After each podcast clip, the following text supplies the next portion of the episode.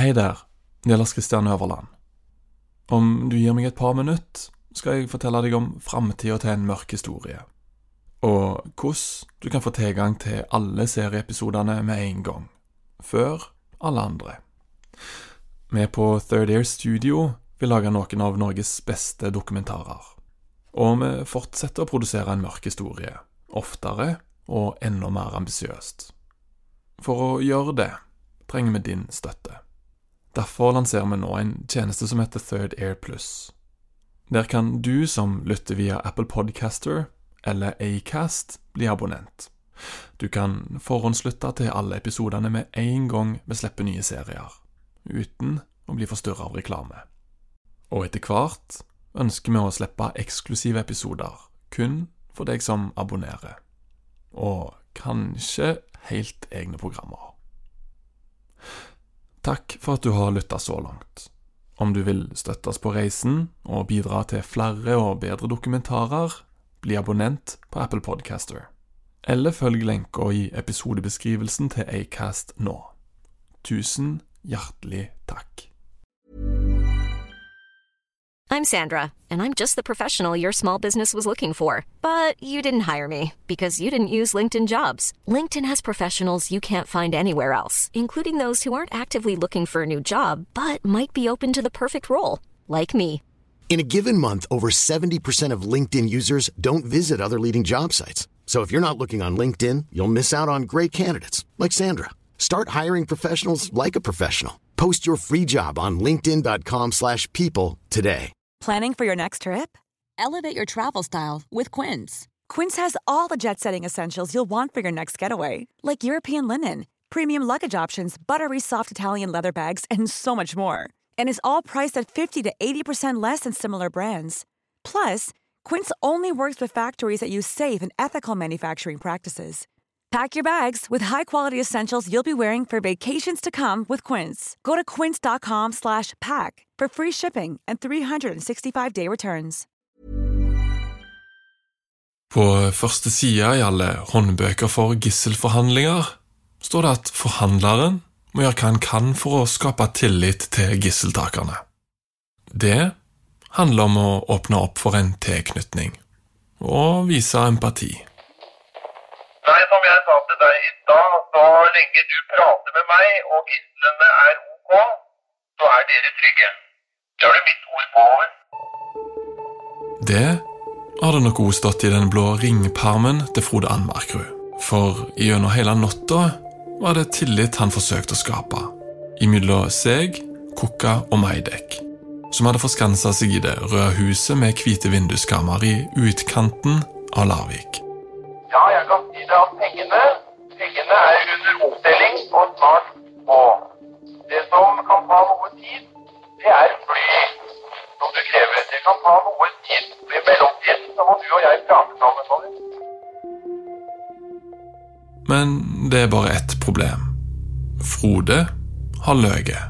Eh, Jeg visste selvfølgelig at det ikke kom til å skje i det hele tatt. Men jeg halte ut tida med at, med at det var vanskelig å få piloter for eksempel, til frivillig å ta på seg jobben med å fly de og disse tingene her. ikke sant? Eh, Og at pengebeløpene var så store at Norges Bank hadde problemer med å få dette ut så raskt og så videre og sånt. Hele min intensjon med det var jo å som sagt, holde de med prat til beredskapstroppen var klare. Og selv om han har fått hele den norske pressa med på å dekke over løgnen, så slapp den allikevel ut. Klockan er två her i Ekot.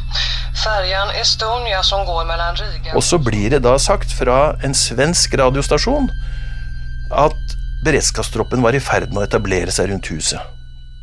Og dette gikk altså rett inn i huset til gisseltakerne.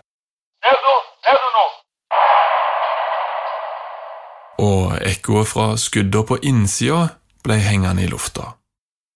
Hadde Kukka og Maidek skada gislene? Opptaket du hører av Politisambandet, er de originale fra 1994. Vi har digitalisert de fra kassett, så lydkvaliteten er ikke perfekt. Men de tar oss med inn i hjertet på en helt unik situasjon i norsk kriminalhistorie. Du lytter til en mørk historie.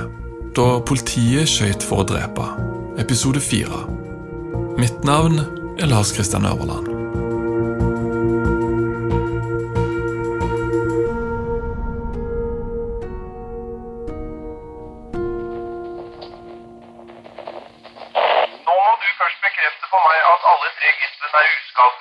Bekrefte det for meg, over?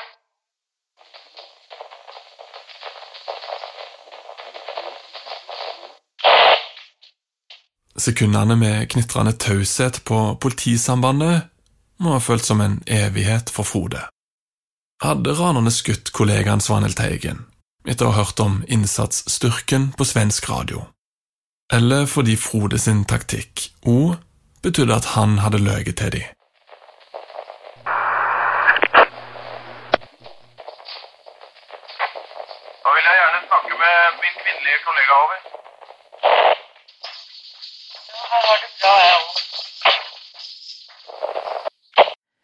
De skøyt i, i Det var i glassdør mellom kjøkkenet og gangen, tror jeg det var.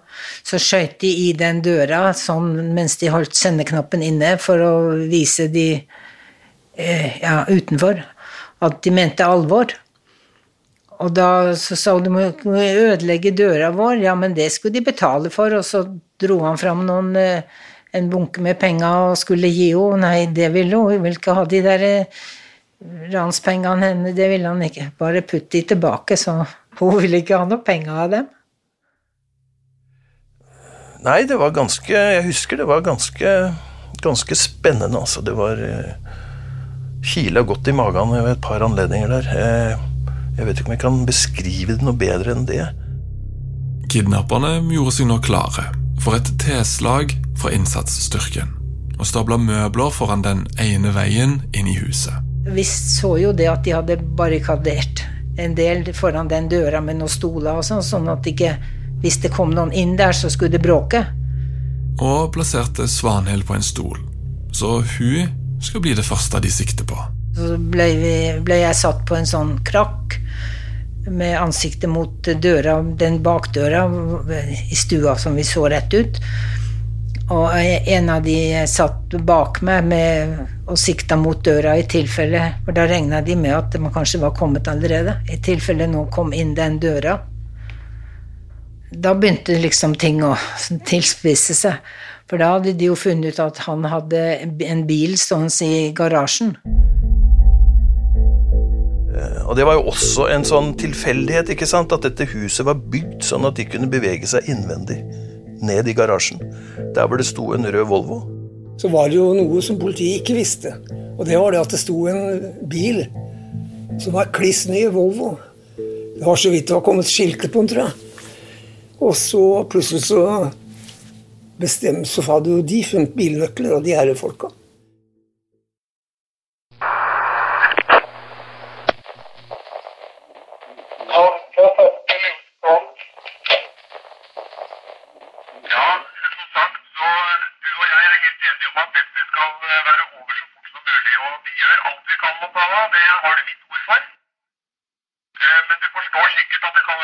kan og, å piloter som er villige, villige til å fly dere. Det forstår du sikkert, over. Så vi skulle jo til Torp, for de spurte jo meg tidligere på, på natta da hvor nærmeste flyplass var. Så jeg sa hun at ja, det måtte jo være Fornebu, for det var jo da Fornebu var ennå. Det måtte jo være Fornebu, for at eh, jeg tenkte at der var det jo mer eh, politifolk som kunne hjelpe til hvis det skulle skje noe. Så da, men så, så var det vel de der eh, ekteparet som sa ja, men Torp er jo nærmere. De hadde ikke tenkt ikke i de samme banene.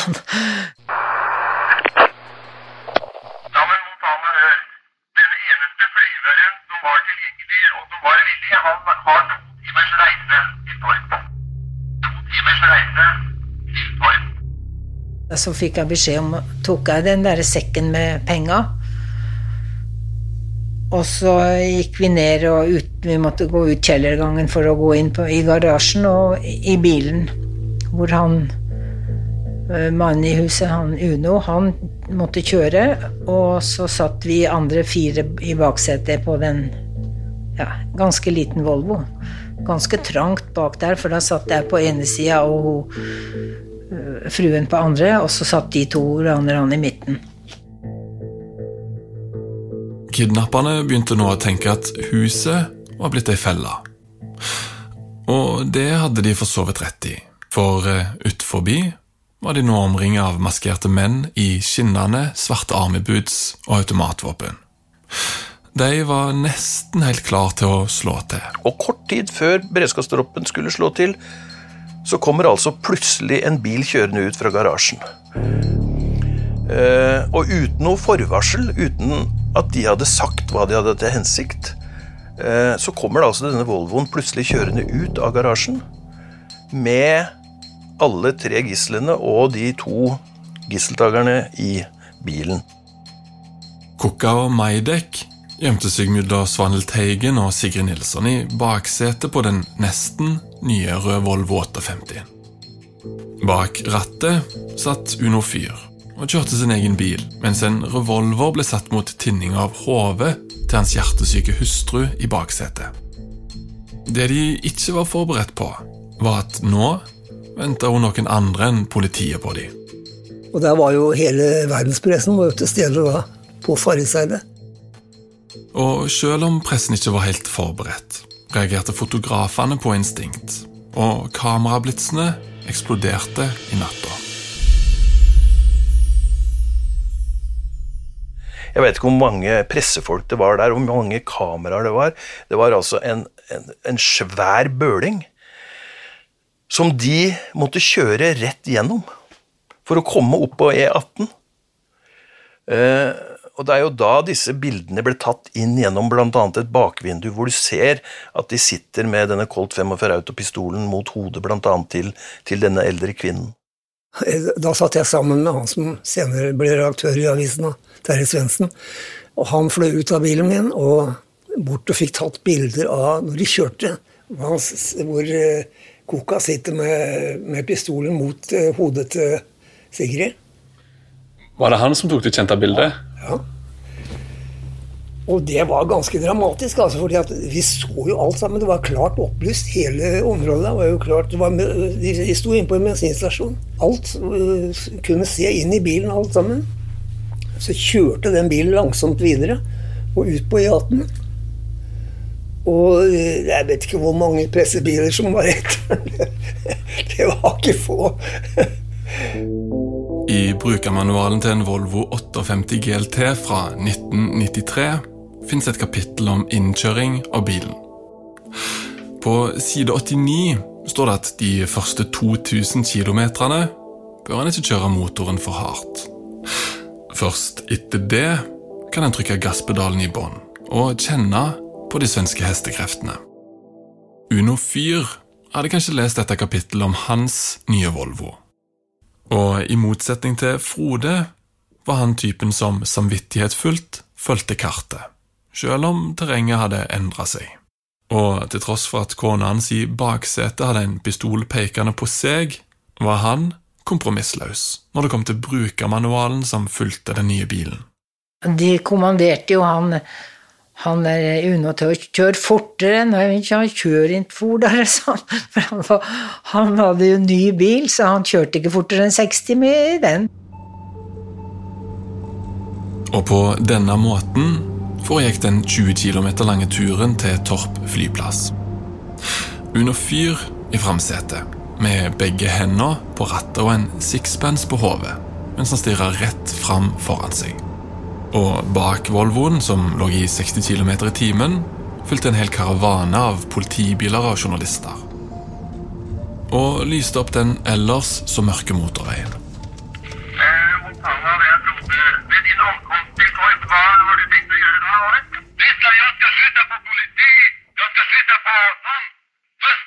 Jeg prøver å få deg til å skjønne er at du ikke bør gjøre dette enda verre for deg selv enn det allerede er. Over.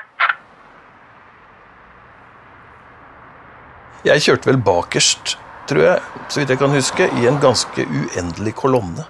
Bestående av gisselbilen først, og så politibiler, almas, ambulanser, uendelig med pressebiler, Det var altså en, en, en enorm kø med biler som bevega seg nordover på E18, og jeg tror jeg var nesten helt bakerst i den, i den køen. Det er jo en halvtimes kjøretur, tenker jeg, fra dette stedet i Larvik og til Sandefjord lufthavn Torp. De kjørte da ned på, på lufthavna og rygga bilen inntil et gjerde helt nede ved rullebanen ved siden av terminalbygget. Hey, I'm Ryan Reynolds. At Mint Mobile, we like to do the of what Big Wireless does. They charge you a lot, we charge you a little. So naturally, when they announced they'd be raising their prices due to inflation, we decided to deflate our prices due to not hating you. That's right. We're cutting the price of Mint Unlimited from $30 a month to just $15 a month. Give it a try at mintmobile.com slash switch. $45 upfront for three months plus taxes and fees. Promo rate for new customers for limited time. Unlimited more than 40 gigabytes per month. Slows. Full terms at mintmobile.com. Hey there, it's Michelle Norris. I'm host of a podcast called Your Mama's Kitchen. When I travel, I'm usually looking for a way to find a taste of home when I'm not at home. And one of the things I love to do when I am at home is entertain. And Airbnb allows me to do that. When I was in California recently, I rented a house that had a great kitchen. And when we were sitting around the table, we we're all thinking, we're in someone else's house. Someone could be in all of our homes as well. If you have a home, but you're not always at home, you have an Airbnb. Your home might be worth more than you think. Find out how much at airbnb.com/slash host. Planning for your next trip? Elevate your travel style with Quince. Quince has all the jet setting essentials you'll want for your next getaway, like European linen, premium luggage options, buttery soft Italian leather bags, and so much more. And is all priced at 50 to 80% less than similar brands. Plus, Quince only works with factories that use safe and ethical manufacturing practices. Pack your bags with high-quality essentials you'll be wearing for vacations to come with Quince. Go to quince.com/pack for free shipping and 365-day returns. How would you like to look 5 years younger? In a clinical study, people that had volume added with Juvederm Voluma XC in the cheeks perceived themselves as looking 5 years younger at 6 months after treatment. Look younger, feel like you. Add volume for lift and contour in the cheeks with Juvederm Voluma XC. Reverse signs of aging by adding volume to smooth laugh lines with Juvederm Volure XC. For important safety information and to find a licensed specialist, visit juvederm.com. That's J U V E D E R M.com. Not for people with severe allergic reactions, allergies to lidocaine, or the proteins used in Juvederm. Common side effects include injection site redness, swelling, pain, tenderness, firmness, lumps, bumps, bruising, discoloration, or itching. There's a risk of unintentional injection into a blood vessel, which can cause vision abnormalities, blindness, stroke, temporary scabs, or scarring. Talk to a licensed specialist to find out if it's right for you. Det som i forveien hadde vært en alvorlig situasjon, på vei mot kontroll, hadde endra seg. Og nå måtte politiet bare følge etter, uten en skikkelig plan. Men på den andre sida kunne politiet nå se presis hvor Kokka og Meidek var. Nemlig pressa inn i baksetet, mellom de to kvinnelige gislene. Og kort tid etter at jeg ankom Sandefjord lufthavn, så kom det også et militært helikopter til et uh, litt fjernt sted inne på lufthavna med, med ytterligere fire uh, skarpskyttere. Så da var det vel totalt seks skarpskyttere fra beredskapstroppen som var, som var i, i hendelsen. Skarpskytterne som nettopp hadde landa med helikopter, inntok posisjonene sine. Noen av de i trærne, andre i terminalbygget. Og gjennom kikkertsiktene sine så de den røde Volvoen, som nå sto i ro ved rullebanen på Torp. Medlemmer av politiets beredskapstropp er ikke kjent for offentligheten. Identiteten deres er skjult, fordi det er de som er utstyrt og trent til å gå i kamp mot motstandere, som òg er veltrent, bevæpna og voldsparate. Folk som ikke legger seg ned, men kjemper tilbake, og til og med kan ta hevn. Hver enkelt av de seks skarpskytterne var klar til å skyte hvis de fikk ordre, men ordren måtte til sjuende og sist komme fra den lokale politimesteren. Ja, Fortell, Hvordan var samarbeidet mellom Skrøn og innsatsstyrken her? Ja øh, Jeg vet jo ikke sikkert, men eh, hvis jeg, sånn som jeg kjente Skrøen, så, eh, så tror jeg nok at han gjerne ville hatt eh, bukta av begge endene, for å si det sånn. Og det tror jeg ikke kanskje beredskapsstyrken var med på. Men eh, det blir spekulasjoner, jeg vet ikke. Akkurat som journalisten Janke vet ikke vi heller presis hvordan samarbeidet mellom de forskjellige politienhetene foregikk. Men vi vet at politimester Ivar Skrøen ville få det siste ordet. Derfor ble han en hovedperson i historien. Skrøen døde i 2015, og kan ikke fortelle sin historie her, men akkurat som alle de andre som ble dratt inn i infernoet, kom det her til å prege han resten av livet. Det var nemlig loven som beskrev at den lokale politimesteren hadde kommandoen, selv om andre enheter ble tilkalt. At Skrøen var ansvarlig, ble ytterligere fastslått i et telefonmøte med justisministeren og Justisdepartementet i løpet av natta. Her ble det avklart at Ivar Skrøen hadde tilgang til ubegrensa ressurser, så lenge gislenes liv kunne reddes. I Larvik var Skrøen kjent som en macho-type, en lokal sheriff. Men i løpet av natta hadde han gjort alt det han kunne for å unngå en skarp konfrontasjon. Han, hadde, han fortalte meg at han hadde vært i, i, de fleste Jeg tror han hadde vært i de fleste bankene i Larvik. Som hadde klart å skrape sammen fire ca. fire millioner kontanter.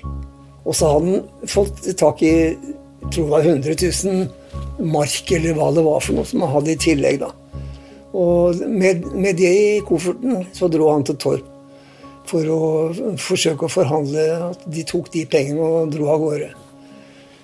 Så, og da sier han etter at ja, jeg hadde gitt de fritt leide hvis de hadde sluppet gislene der og da. Da hadde de fått pengene også fritt leide. Det ble lyst på den stille lufthavna Torp da Ivar Skrøen ankom med bagen med penger. Ved siden av sto den røde Volvo 58-en. Det var ingen flyavganger på tavla. Inni bilen var de to ranerne Kukka og Maidek i ferd med å miste tålmodigheten. De hadde vært våkne i over to dager. Og når de stirra ned den tomme rullebanen, kunne ikke de heller se enden på den fastlåste situasjonen. Men tålmodighet var ikke det eneste de var i ferd med å gå tom for. Har du noe ekstra batteri til radioen? Jeg hører at radioen din begynner å bli dårlig nå. Det er antagelig lite strøm på batteriet.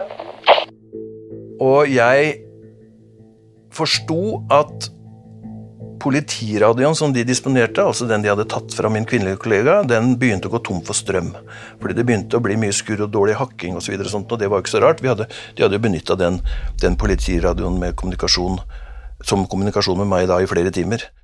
Det er selvsagt umulig å forhandle med gisseltakere når forbindelsen til de er brutt. Og Frode, som sto bak terminalbygget, forsøkte å gjenåpne kontakten. Jeg gikk da fram til dette hjørnet og ropte til bilen. Jeg anslår avstanden til gisselbilen til å være da en fem-seks meter, kanskje. Så det var ikke noe problem for meg å kommunisere med de verbalt uten noe hjelpemiddel.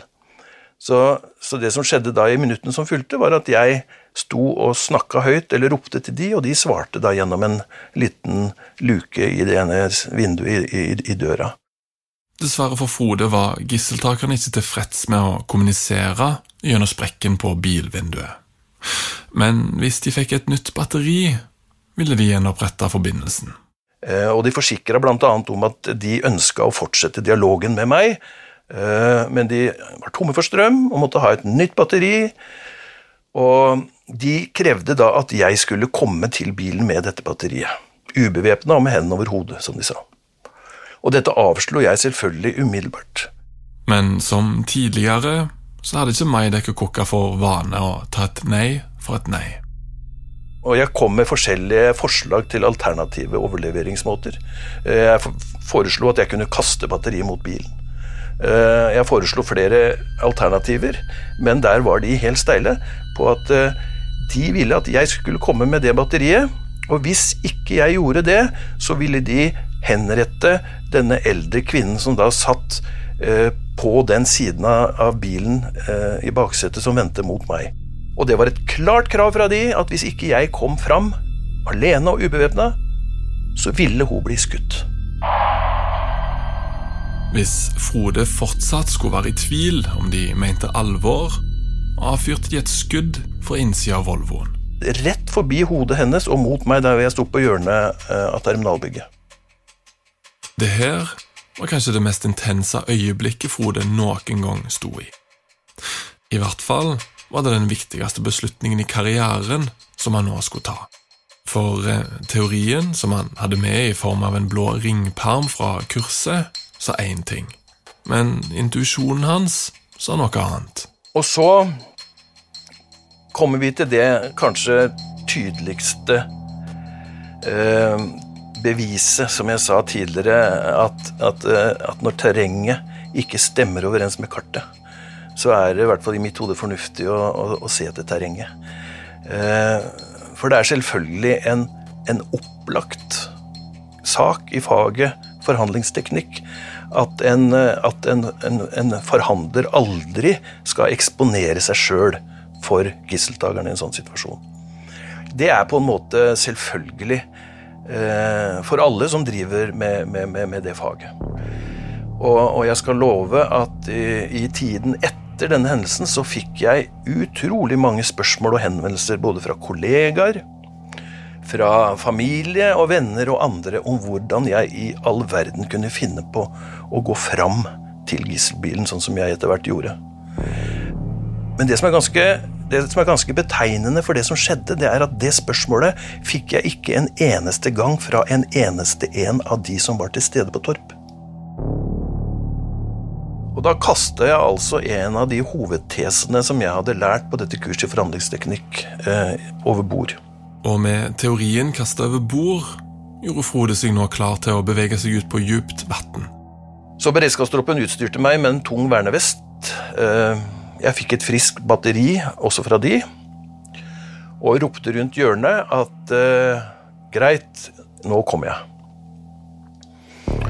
Uh, og så sa jeg vel også at jeg krevde da fritt leide tilbake. Uh, ja, det husker jeg. Og da svarte de fra bilen at de garanterte at jeg fritt skulle kunne returnere uskada tilbake, sånn at dialogen mellom oss kunne fortsette.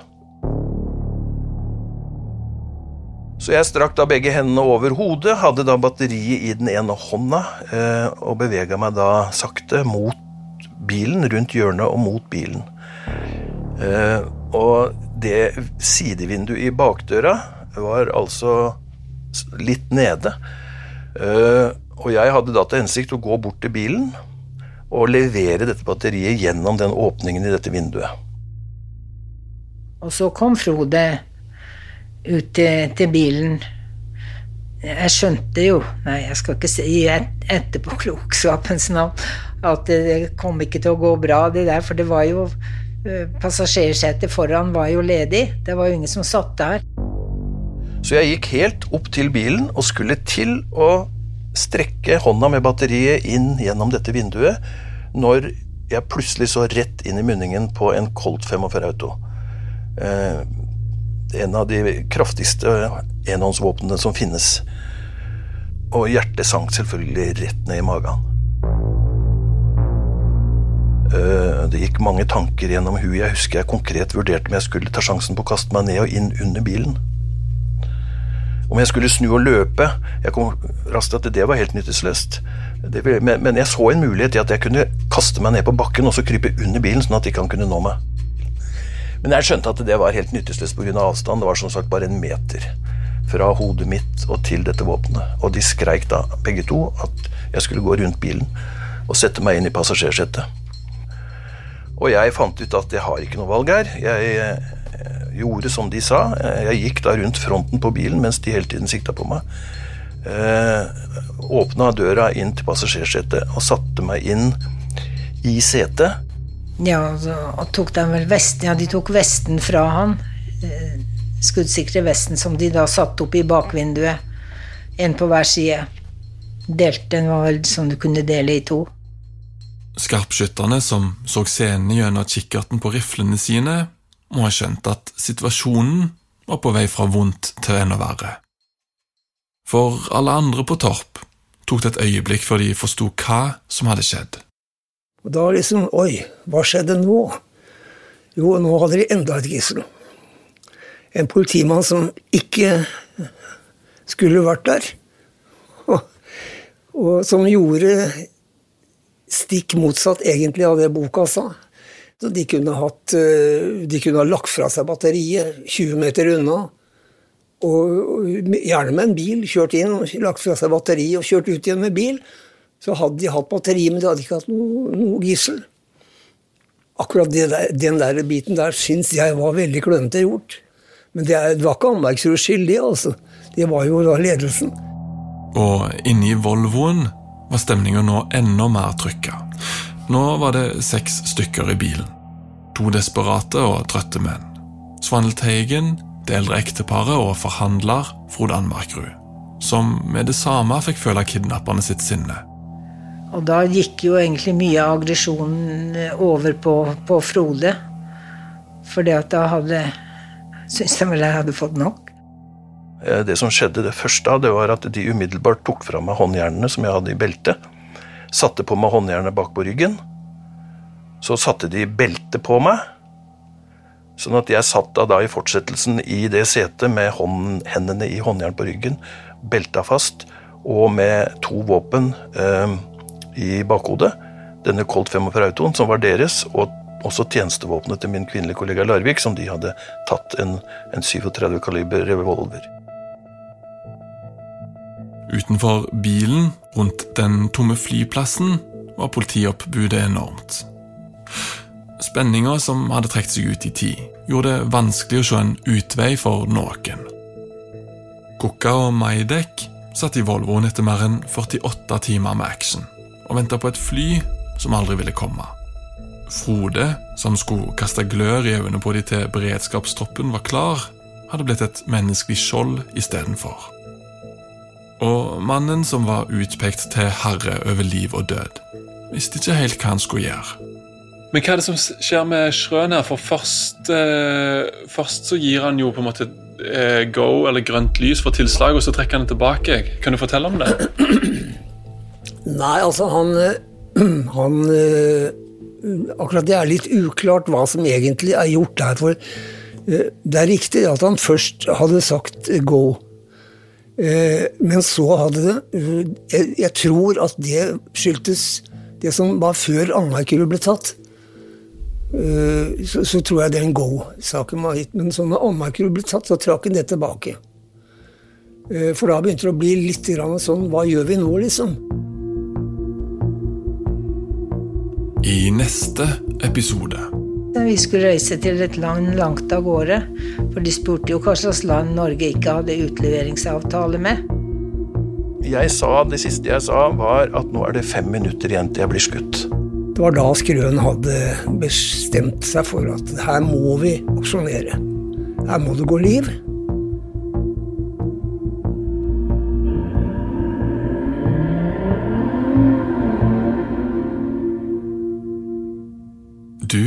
Har hørt på en mørk historie, da politiet skøyt for å drepe.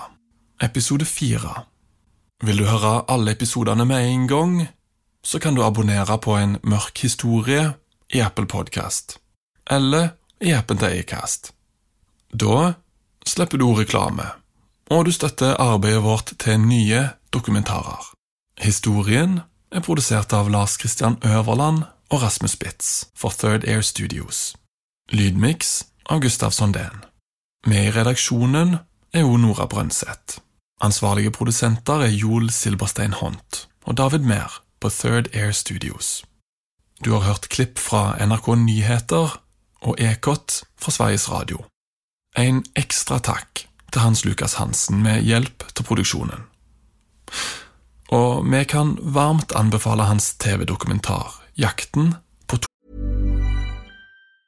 Hey, it's Paige DeSorbo from Giggly Squad. High quality fashion without the price tag. Say hello to Quince. I'm snagging high-end essentials like cozy cashmere sweaters, sleek leather jackets, fine jewelry, and so much more. With Quince being 50 to 80% less than similar brands. And they partner with factories that prioritize safe, ethical, and responsible manufacturing. I love that. Luxury quality within reach. Go to quince.com slash style to get free shipping and 365 day returns on your next order. Quince.com slash style. Even when we're on a budget, we still deserve nice things. Quince is a place to scoop up stunning high-end goods for 50 to 80% less than similar brands. They have buttery soft cashmere sweaters starting at $50, luxurious Italian leather bags, and so much more. Plus, Quince only works with factories that use safe, ethical, and responsible manufacturing. Get the high-end goods you'll love without the high price tag with Quince. Go to quince.com slash style for free shipping and 365-day returns. Bonetreet. Det er den beste norske TV-dokumentaren vi i har sett på lenge. Av en eller annen grunn er den bortgjemt i spilleren til NRK. Men du finner den om du søker på Jakten på tonetreet.